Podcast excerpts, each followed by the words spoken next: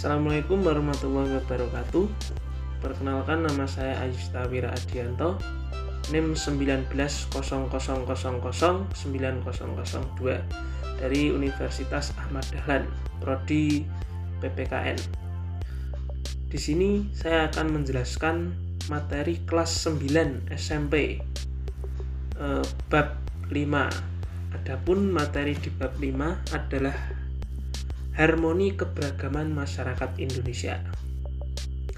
Di masyarakat Indonesia ini ada tiga harmoni keberagaman, yaitu sosial budaya, ekonomi, dan gender. Baik, kita jelaskan dari yang pertama dahulu. Harmoni dalam keberagaman sosial budaya. Keadilan sosial budaya pada masyarakat Indonesia beraneka ragam. Maka dari itu diperlukan adanya harmonisasi dalam masyarakat.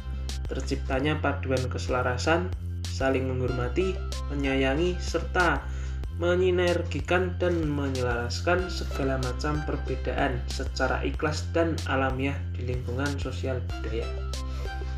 Kehidupan masyarakat Indonesia yang berasal dari latar belakang yang beragam, suku, budaya, agama, tradisi, pendidikan, ekonomi, dan sebagainya, merupakan kodrat yang harus diterima oleh bangsa Indonesia maka di sinilah keindahan sebuah komunitas sosial bila mampu merekatkan berbagai perbedaan itu dan menjadikannya sebagai sarana untuk saling memahami, tepo seliro, dan toleransi yang akhirnya akan mempererat persatuan dan saling mencintai.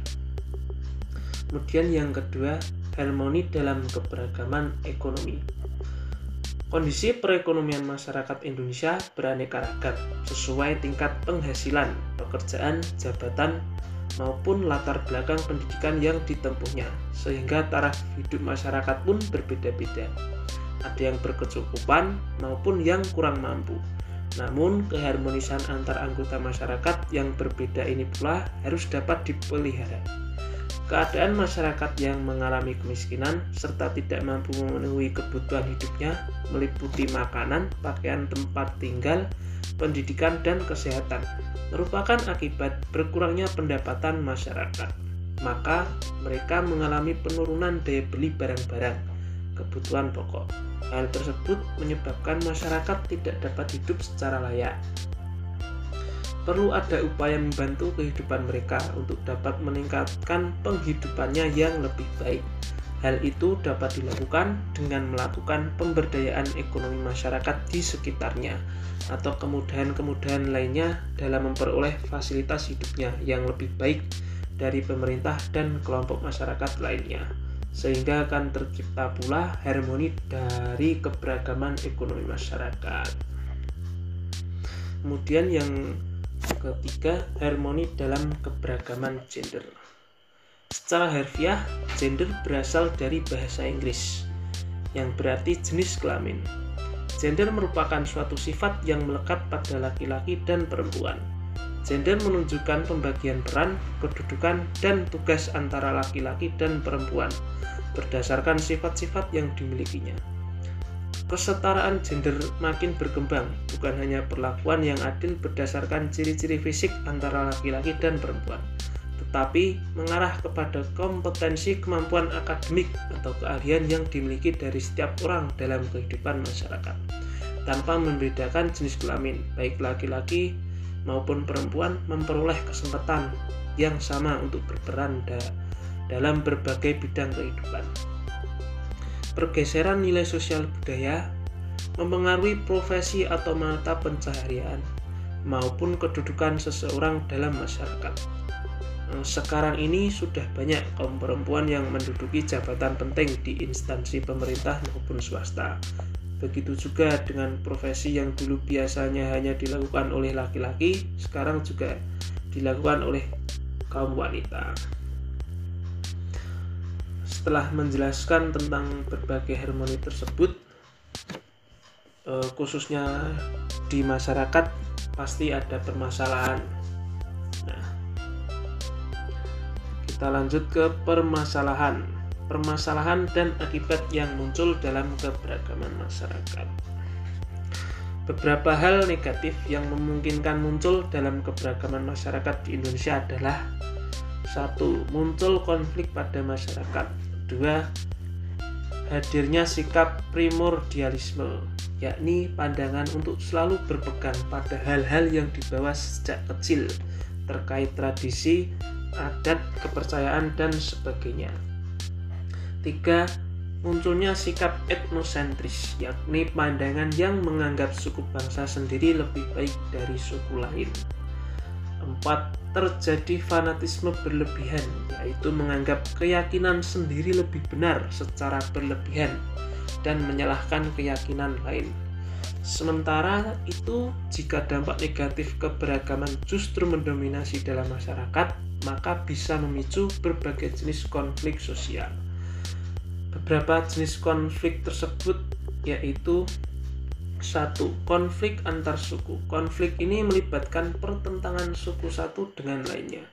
Pemicu umumnya adalah perbedaan adat, budaya, sistem kekerabaan, dan norma sosial masyarakat. Jika masyarakat tidak bisa saling memahami perbedaan yang ada, maka dimungkinkan terjadi konflik di dalamnya. Dua, konflik antar agama. Dalam konflik ini terjadi pertentangan antara kelompok dengan keyakinan atau agama berbeda. Konflik antar agama dapat muncul secara perorangan ataupun kelompok. Tiga, konflik antar ras. Perbedaan ras juga bisa memicu konflik sosial. Konflik ini dipicu oleh sikap rasialis yang memperlakukan orang dengan cara berbeda hanya karena berasal dari ras yang tidak sama. 4. Konflik antar golongan. Pada konflik ini, kelompok atau golongan dalam masyarakat saling mengalami pertentangan. Beberapa pemicunya terkait dengan pekerjaan, partai politik, asal daerah, dan sebagainya. Sementara itu, mengutip laman Direktorat SMB Kemendikbud, berbagai keberagaman yang ada di Indonesia seharusnya bisa memperkaya kebudayaan.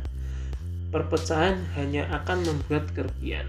Hal yang perlu dilakukan adalah mengembangkan sikap toleransi dan tenggang rasa terhadap perbedaan dan kemajemukan masyarakat.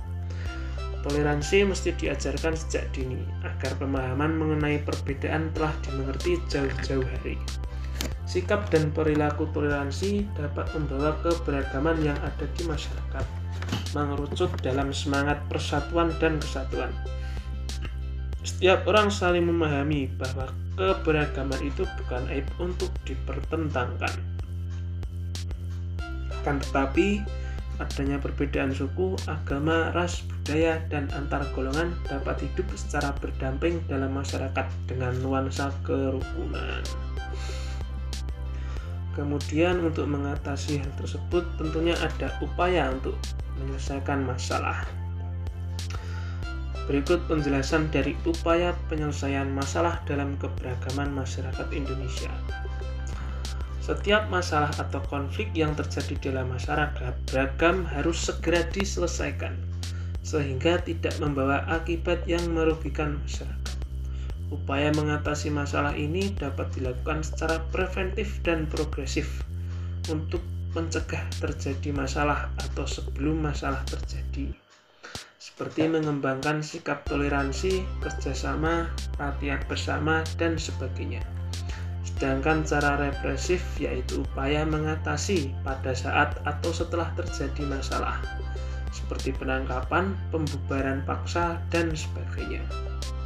Ada satu lagi yaitu kuratif, yaitu upaya tindak lanjut atau penanggulangan akibat masalah yang terjadi Cara ini bertujuan untuk mengatasi dampak dari masalah yang terjadi, misalkan pendampingan bagi korban kerusuhan, perdamaian, kerjasama, dan sebagainya. Selain itu, upaya menyelesaikan konflik di masyarakat dapat juga dilakukan dengan mengembangkan sikap saling menghargai dan menghormati berbagai keragaman di masyarakat. Bolehkah kalian membanggakan suku bangsa dan budaya daerah sendiri tentu saja boleh, tetapi jangan berlebihan, apalagi merendahkan budaya daerah lain. Sikap seperti itu dapat menimbulkan perpecahan. Sebaliknya, kalian harus menghormati dan menghargai budaya daerah lain. Hal ini dilakukan supaya bangsa Indonesia menjadi bangsa yang kuat dan maju serta disegani oleh bangsa lainnya. Mungkin itu saja penjelasan dari saya, kurang lebihnya saya mohon maaf. Wassalamualaikum warahmatullahi wabarakatuh.